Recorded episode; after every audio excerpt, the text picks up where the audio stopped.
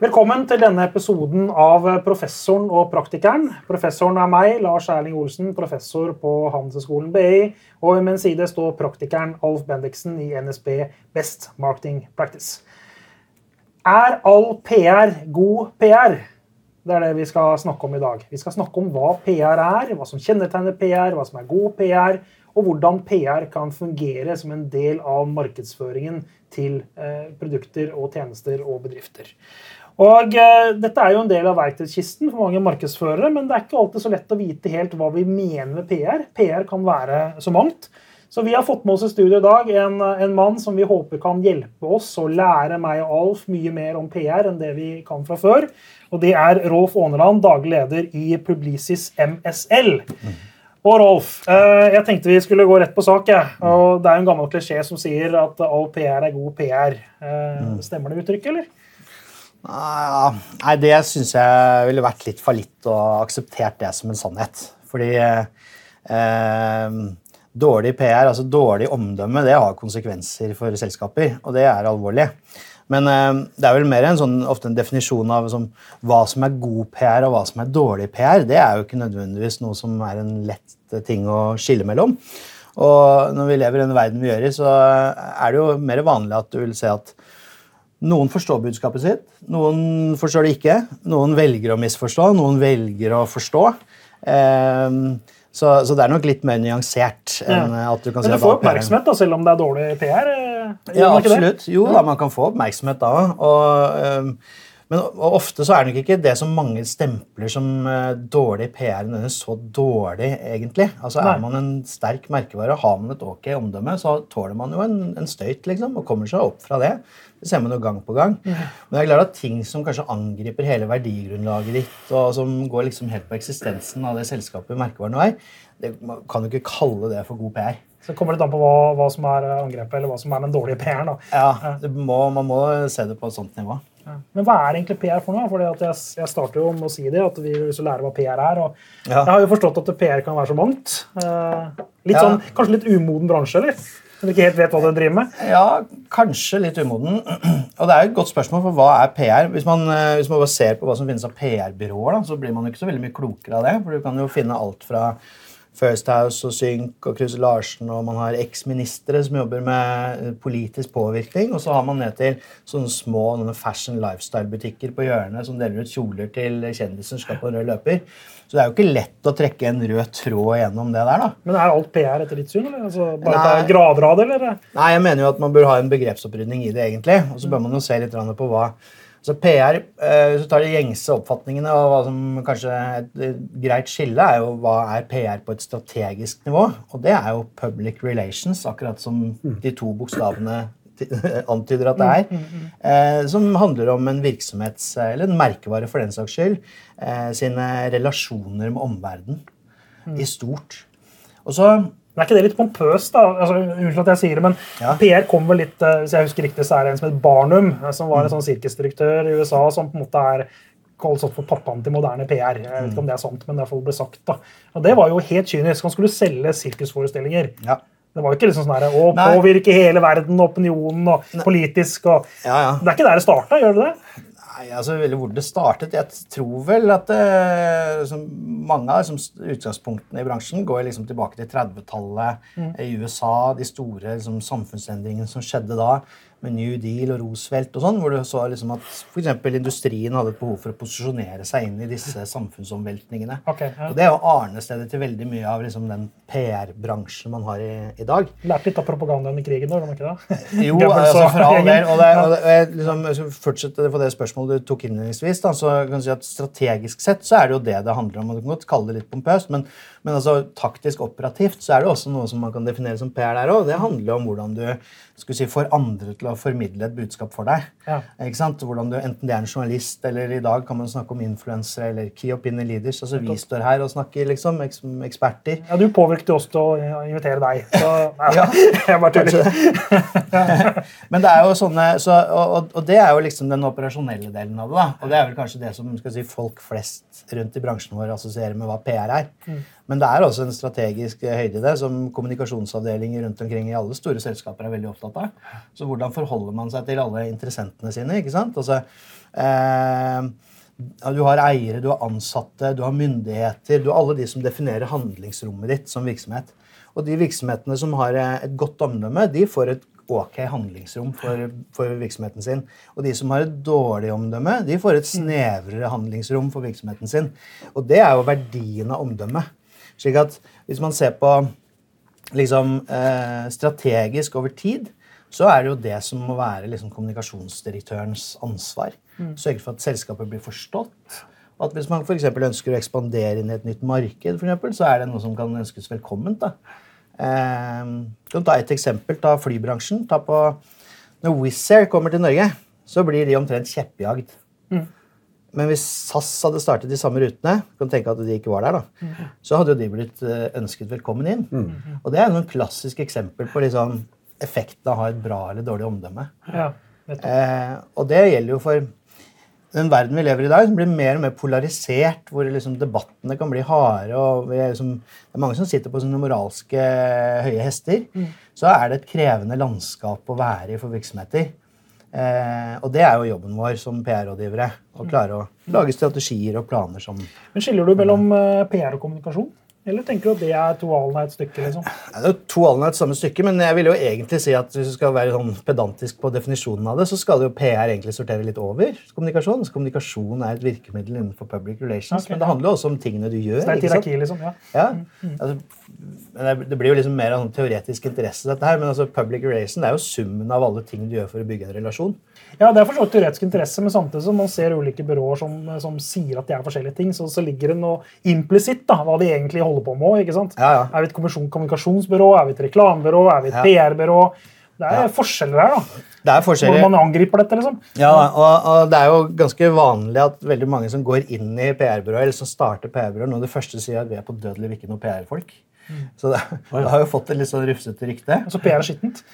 Ja, det har nok eh, Ja, altså vi må nok være ærlige nok til å si at PR-bransjen eh, tidvis har et omdømmeproblem. Ja. Eh, det er jo liksom fascinerende. Ja, vi jobber med omdømme, men vi har selv et omdømmeproblem. Ja, det, det, må man vel egentlig erkjenne litt, ikke minst i lys av når Vedum strammer inn liksom, PR-bruken. Mm. Så er jo det akkurat det jeg sa. Så det er handlingsrommet. Når det, når, det, krymper, ja, det er jo et bevis på at du har et dårlig eh, omdømme. Han blir jo, kommer til å bli stående for ettertida som uh, den som hadde trengt PR mest. Ja, egentlig.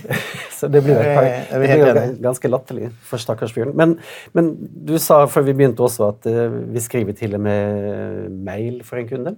Og så tenkte jeg hvem er det som trenger hjelp til det? Og så forklarte du at ja, men noen ganger så er den mailen faktisk ekstremt viktig. Og, ja. og det er ikke bare å sende mail, du skal tenke ganske godt. Og det sier jo litt om virkemiddelbruken eh, som de, eller virkemidlene som de har, da, som er veldig, veldig mange. og Noen er bitte, bitte små, men, men viktige.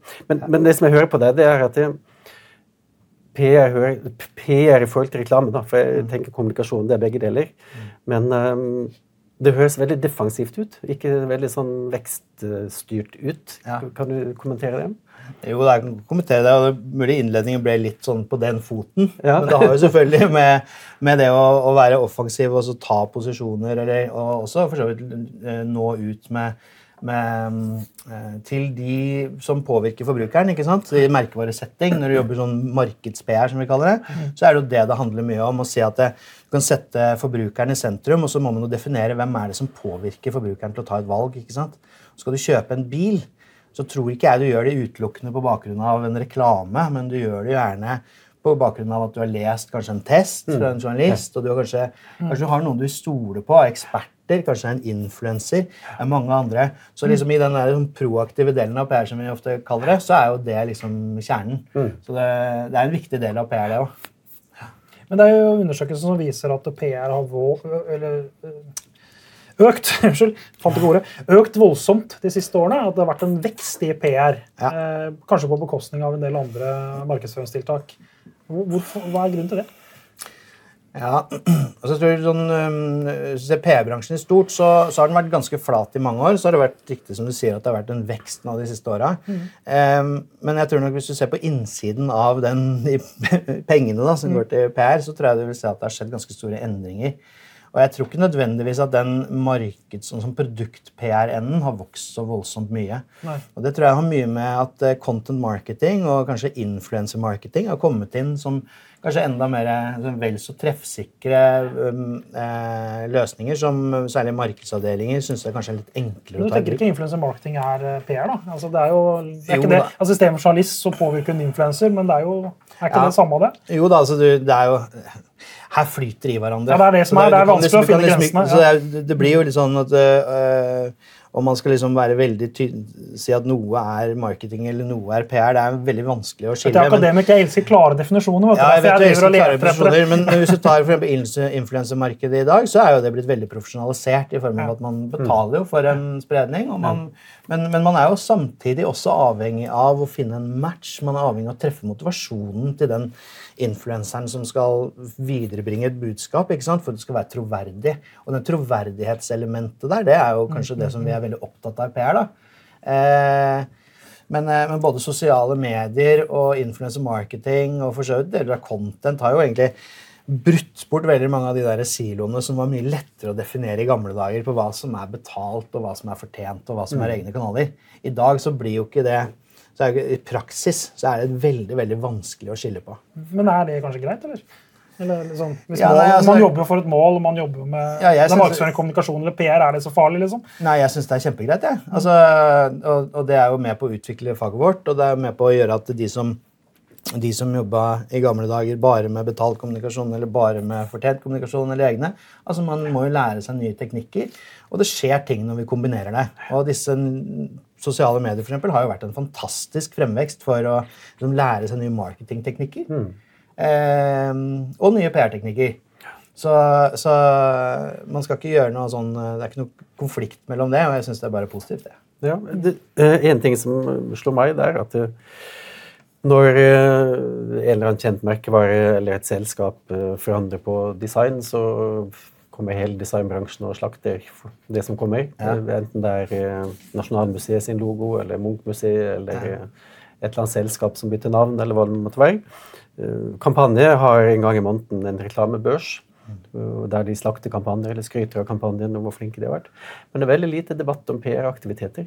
Ja, det er det. Og så har jeg tenkt, spurt meg selv er det fordi at jeg ikke vet vet om dem. Eller, og når jeg skumma nå på noen nettsider før i dag og sett hva forskjellige PR-byråer legger ut her i jobbene våre, så er det sånn Den er ikke sett, den er ikke sett, den er ikke sett. Um, hva, hva, tror du, Hvorfor er det så lite debatt om, um, om PR-stunts eller PR-aktiviteter? Hvorfor er det lite faglig debatt eller oppmerksomhet til det? Altså, for det, så er nok, det er jo lettere ofte å omtale en reklamekampanje, for det er så synlig. og Det er, så, det er, sånn, det er noe man dytter ut i offentligheten på en måte som er sånn Dette er det vi har jobbet med, og dette er det vi er. Mm. Og så er liksom virkemiddelbruken og hvordan vi jobber på kommunikasjon og PR liksom annerledes. Eh, og det er ikke alltid så lett. Eh, vi har også pusha på det. Kan du ikke lage flere caser? caser altså ja, det er noen ganger jeg har jobba sabla godt med en tekst. liksom. Altså, jeg er Utrolig stolt over den teksten. Men, lese den høyt da, på konferanse. Ja, jeg kan stå og lese den høyt, men Det er ikke nødvendigvis en case til. men Det er liksom ikke sånn ikke så, så, lett for andre. Og så, og, så, og så, er det jo sånn at det vi gjør, det gir vi jo veldig mye bort til kundene våre. Altså, det er jo liksom eh, De kjøper oss selvfølgelig på kompetansen, men også på kapasitet. ikke sant? Slik at eh, Det handler om å hjelpe til eh, og sørge for at kommunikasjonsavdelinger blir eh, blir bedre rustet til å bygge disse relasjonene med de viktige interessentene for dem. Men eh, det jo, du har rett. Altså, vi burde vært mye mye flinkere til å få fram gode caser. Og, eh... En alternativ forklaring her er jo at PR ikke fungerer så godt som reklame. da, så det er ikke så mye å snakke om. Nei, altså, men det, ja, fungerer, men det, det, det der handler om hva, her, liksom. hva, er målet, da. ikke sant? Ja, ja, okay. altså, så, ja, hva er målet?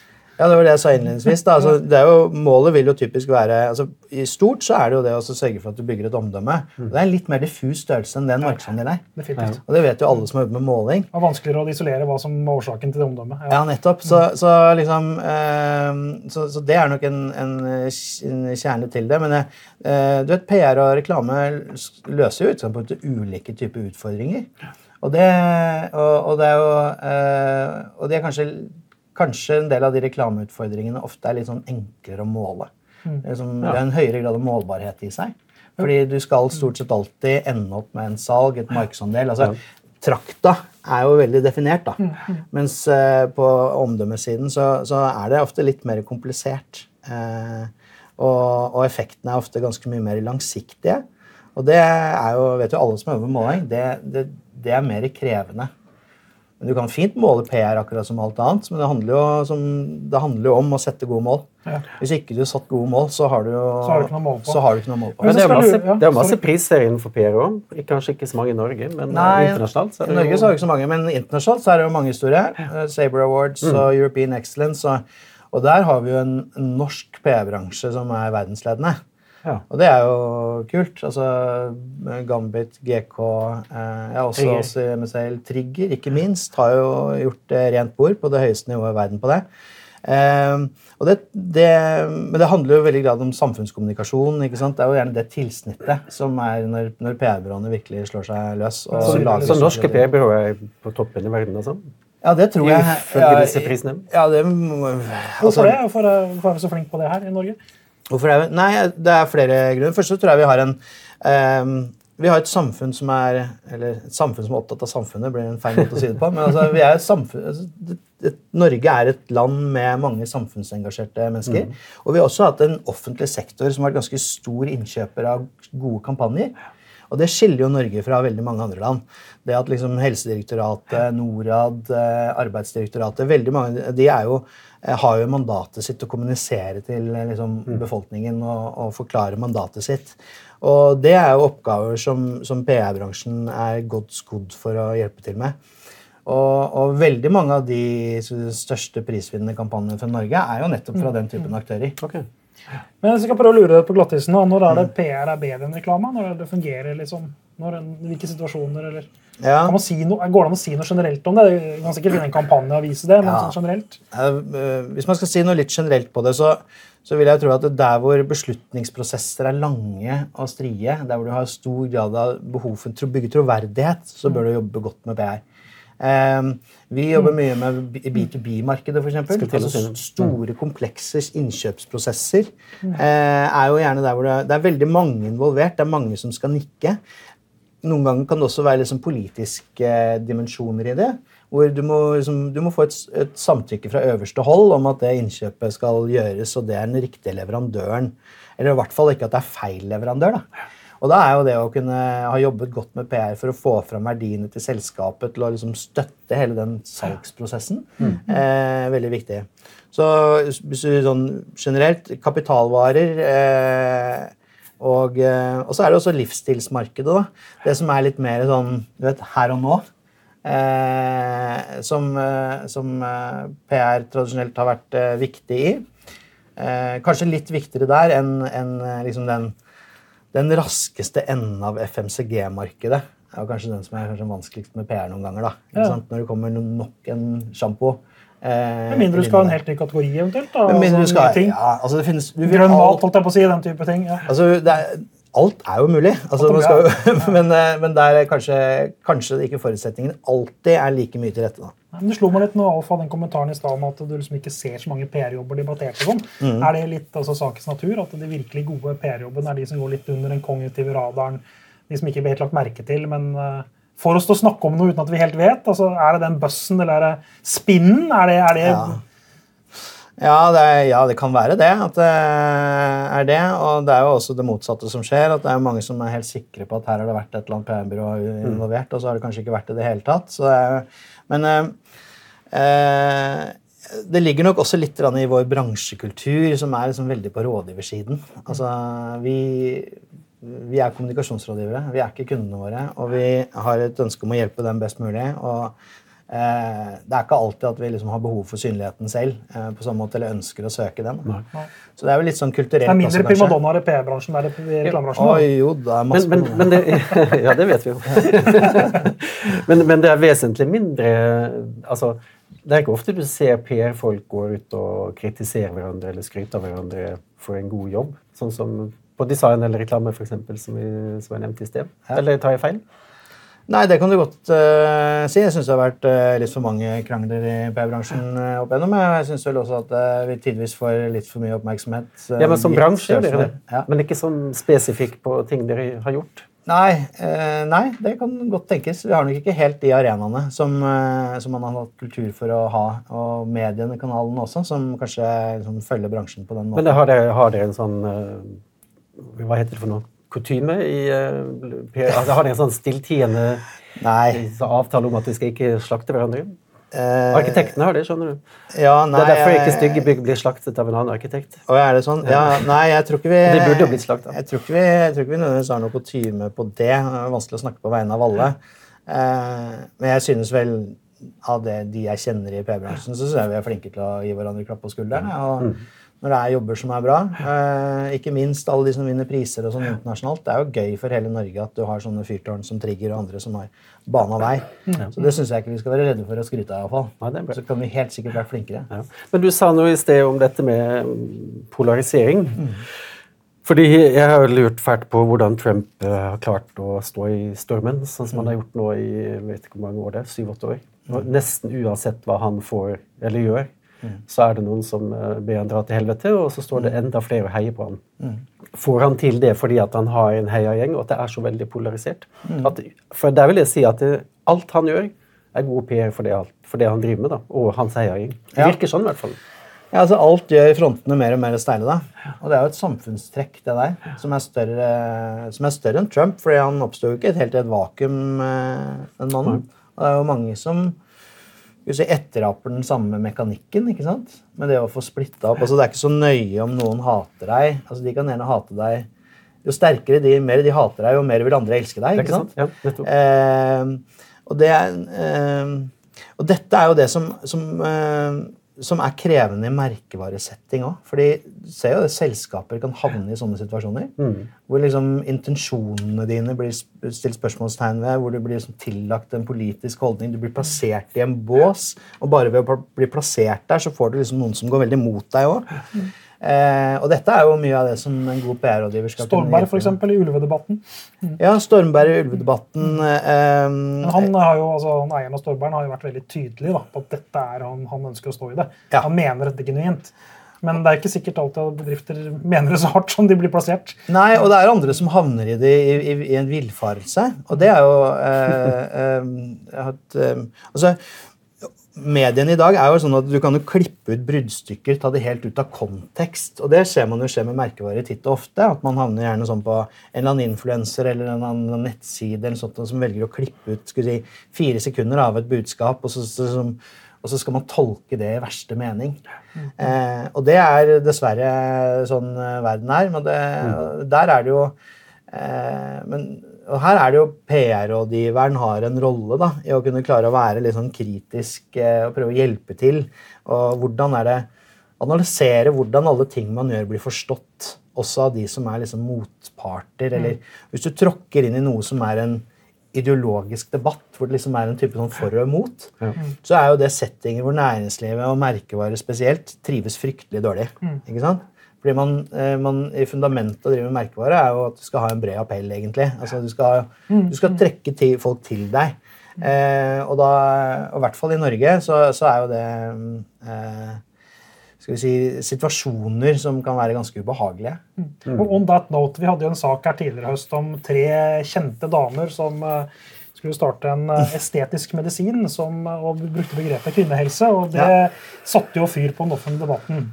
Var det, var det PR, tror du? Eller var det et byrå bak? eller Det var spekulert i det. Ja, spekulerte. Jeg, jeg, skal si at jeg kjenner noen av de involverte deg litt, så jeg skal ta den disklemmeren. Men jeg, jeg, har, jeg tror nok ikke det der var et kalkulert stunt. Men det viser litt hvor galt det kan gå hvis du kanskje sitter inni din egen boble og eh, og jobber ut en merkevare, et produkt, og så, så, velger du å bruke ord som du kanskje ikke helt forstår hvordan resonnerer i befolkningen. Da. Og det tenker jeg at der Så du burde hatt et PR-byrå? du sier? Ja, det burde absolutt hatt eh, Hadde det vært jeg som hadde vært det der, så skulle jeg nok forsøkt i alle fall å sette noen spørsmålstegn ved det. Eh, vil jeg tro. Men, eh, men det her er jo noe som jeg tror markedsavdelingen generelt kan lære litt av. Fordi Jeg har jobbet med mange opp gjennom året, og, og, det som ofte er litt gjenganger, de kan være litt introverte. Ja. Navlebeskuende ja, man, man leter, mm. altså, og man leter så veldig i sin egen navle etter liksom, hva er mitt unique selling proposition, og hva er liksom de der, eh, øyeblikkene man skal eie, eller hva er liksom vår lille og så, blir det, eh, så kan det bli fryktelig snevert. Og det er jo fare for at du faller inn i sånn groupthink-logikk i sånne prosesser. Mm. Eh, og, det, eh, og så er man også veldig opptatt av forbrukeren, og kanskje liksom en målgruppe man har valgt ut selv. og man er veldig sånn vet, finmasket, segmentert og ser med lupe på, for å prøve å forstå. Og så er det noen ganger man kanskje ikke ser skogen for bare trær. Eh, og at eh, kanskje noen av begrepene, kanskje noen av ordene liksom, som resonnerer godt på indre bane, kan ha en helt annen oppfatning ute i befolkningen. Og særlig hvis du vikler deg inn i ting som kan ha en eller annen ideologisk side ved seg. ikke sant? Jeg husker mm. jeg jobbet, jeg jobbet i Mills for mange mange år siden med bl.a. majones og margarin. Ja. og Da hadde vi en eh, veldig spennende intern diskusjon med produktutviklingsavdelingen som besto av allergikere og folk som hadde veldig høy teknisk kompetanse om produktene. Og, og, de prøvde å overbevise om at vi måtte gå ut og fortelle at alt var sunt, for det var så bra fettsyresammensetning. og, og vi markedsfolka som for så vidt var innadvendte, vi òg, men vi, vi prøvde liksom å si det at ja, det, er, det, er, sikkert teknisk riktig, men det er fortsatt fett. Det er fortsatt fett ja. og det er litt vanskelig budskap å fortelle folk at fett er dumt, men fettsyre er bra. Det er, den er ja. teknisk vanskelig, da. Ja, det er teknisk vanskelig, det er, men det er veldig typisk situasjon man står i. ikke sant? Og, og da er det jo er du avhengig av at du har mennesker da, som klarer å forstå dette i et samfunnskontekst. Og forstå hva en ernæringsfysiolog vil liksom tenke rundt det budskapet. Mm. Eh, fordi det er jo der eventuelt kritikken vil komme fra, sannsynligvis. Ja, ikke sant? Mm. Men dette med du sa om eh, PR fungerer veldig bra hvis det er polarisering. Og det passer ikke så godt inn på merkevarer, for der er det ikke polarisering. Det er ikke sånn du elsker den og hater den. Det er sikkert noen som gjør det, men eh, mm. det, er ikke der, det er ikke det som er de store skillelinjene. Nei, det var en litt forenkling du kom med der. for jeg tror ikke, altså, PR funker bra med polarisering. det Konfliktkriteriet da, i nyhetskriteriene det er en av de vanskeligste. altså Advokater og politikere trives jo i konflikt. Selskaper og merkevarer trives ikke i det. Men vi har heldigvis mange andre bein å stå på. Ja, ja, det, det. Slik at, uh, det må ikke være konflikt alltid. Det må ikke være konflikt, men, uh, men, uh, men det er forskjell på å være Trump og å være Stormberg eller Tine eller Gilde. Altså, du har, eh, du har ikke er du en stor merkevare, så har du behov for aksept hos Eller du ønsker deg jo gjerne aksept for flere enn liksom, eh, en menighet. Mm, mm. Jo, men når eh, det kommer si, Jeg skal ikke si konkret hva dette gjelder, men si at mm. noen kommer med et nytt produkt i en kategori der det ikke har vært før, og de som er i den kategorien, føler seg litt truet, og dette er mat. Og så kommer det en produkttest i media som er laget selvfølgelig da bak der av de som skal forsvare seg og fortelle at dette nye produktet der er ikke noe bra. Fordi folk leser sånne produkttester. Ja. ja, altså jeg skjønner hva du peker på. og, det, eh, og det, Den typen konflikt kan man jo leve ganske fint med. Mm. og Det er jo klassisk sånn ferdigmat. står jo ofte i det, ikke sant? Altså Du skal lage en posesuppe, og så og så vil du se at eh, det er ganske forutsigbart hvem som eh, mener at posesuppe er eh, bare fjas og unødvendig. Mm, bare ikke Hellstrøm, da, så får du svar med en gang. ja, Du skal ikke ta så mange til før det skjer, liksom. Og det, sånn sett så har du helt rett, for det er jo ting som kan Da vil jo alle de som liker kategorien og forstår den, de vil jo forstå at men, de tar det jo nesten på et angrep på seg. ikke sant? Og Sånn sett så er det jo med på å sparke i gang en debatt som kan styrke, styrke merkevaren. Men, men, jobber det stort sett utelukkende med kommunikasjonsavdeling og ledelse, og ikke så mye mot markedsavdeling? Jeg vil si Det er sånn 50-50. Det er såpass, ja. For at uh, Selskaper er litt ulikt organisert på det. Så, uh, men uh, vi jobber stadig mer med altså, B2B-arbeidet. og så og så større selskaper som ser på liksom corporate branding som et viktig område. altså Hvor man ønsker å bruke mm. liksom merkevarelogikk. Dette syns jeg er veldig spennende, for da mm. bruker man egentlig mye av merkevarelogikken inn i en sånn stakeholder-perspektiv. Ja. Hvor man ser at, Merkevare mot eier og investorer. Og ja, ikke sant? Altså man, man ser på liksom, den verdimessige kommunikasjonen da, merkevarefaget har liksom, godt definert, og, og, putter det inn i settinger hvor man eh, skal si at okay, ansatte, interesseorganisasjoner Det er mange, mange, alle de som er rundt. da, ikke sant? De skal også få lov til å få en historie som, eh, som eh, eller ja, De får kommunikasjon som ligner veldig på merkevarekommunikasjon. Mm. Vi hadde jo en, en leverandør av treindustri her for en, ganske lenge siden. i en episode, og Han snakket mye om det. ikke sant? Hvordan mm. merkevaretenking også hadde med egne ansatte å gjøre når de skulle endre ja. posisjonen sin. Så det er jo interessant. Du, Hva med etikk, da? Skal vi snakke litt etikk òg, eller? Ja, det er jo en, eller er det litt sånn vond ting å snakke om i PR-bransjen? Nei, det synes Dere har ikke vært noe interessert i å dele kundelister og åpenhet med kunder, hva dere gjør? Er, altså, jeg skal spørre på en litt annen måte. Er det slik at enhver kunde som kommer til dere, er en kunde dere vil ha? Nei. For hvem som helst? Jeg syns ikke PR-bransjen er så dårlig til å dele hva man kan. Man får mye kjeft for det, da. Ja, man får mye, jeg synes det er litt sånn ufortjent kjeft. For Hvis du ser på de store byråene i Norge, så er antall podkaster og hvis du nå har statsbudsjettet vært altså Utrolig mye man kan lære av å gå inn på nettsidene. Altså Der deler jo folk villig vekk av eh, analysene sine og kunnskapene sine mm. og hvordan man kan arbeide liksom, strategisk for å nå sine mål. Så det premisset det er jeg ikke helt enig i. Men tilbake til etikken, da, så er det klart at eh, vi har jo et ansvar. Vi opptrer jo kanskje mer som mellommenn i mange sammenhenger. ikke sant? Enten du, sånn, du har en, en virksomhet som skal ut og prate med en journalist, f.eks., så vil jo ofte vi agere i midten der. Og, og det, det, gir oss et ansvar.